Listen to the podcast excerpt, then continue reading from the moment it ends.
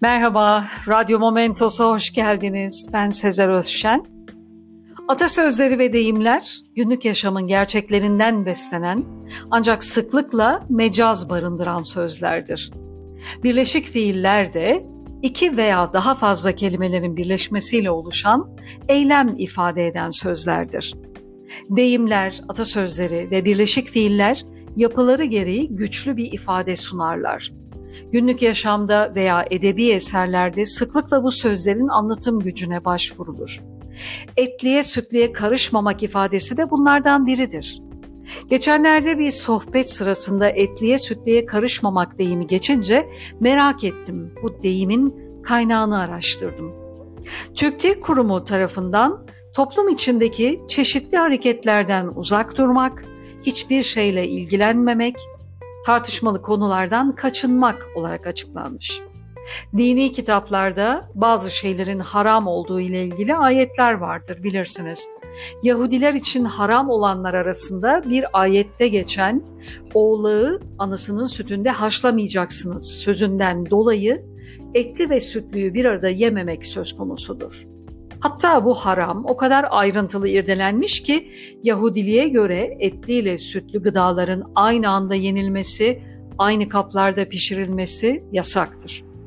Etli yiyeceklerin piştiği kaplar ve sütlü yiyeceklerin piştiği kaplar, tabaklar, kaşık ve çatallar dahi ayrı olmalıdır.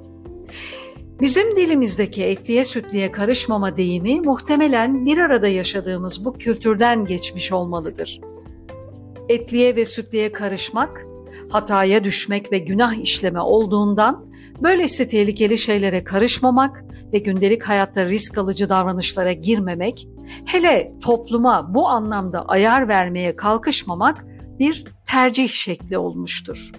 Keza neme lazımcılık, bana değmeyen yılan bin yaşasın, ak koyun ak bacağından, kara koyun kara bacağından asılır yahut her koyun kendi bacağından gibi özdeyişler, tepki gösterilmesi gereken yer ve hallerde uzak durmayı salık veren bir davranış biçiminin dile vuran tezahürleri olmaktadır. Bazen de etliye sütliye karışmak gerekir.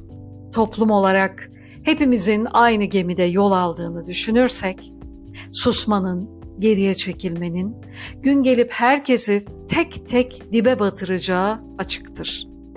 Ya hepimiz mutluyuzdur ya da hiçbirimiz. Dinlediğiniz için teşekkürler. Hoşça kalın. Radyo Momentos'ta kalın.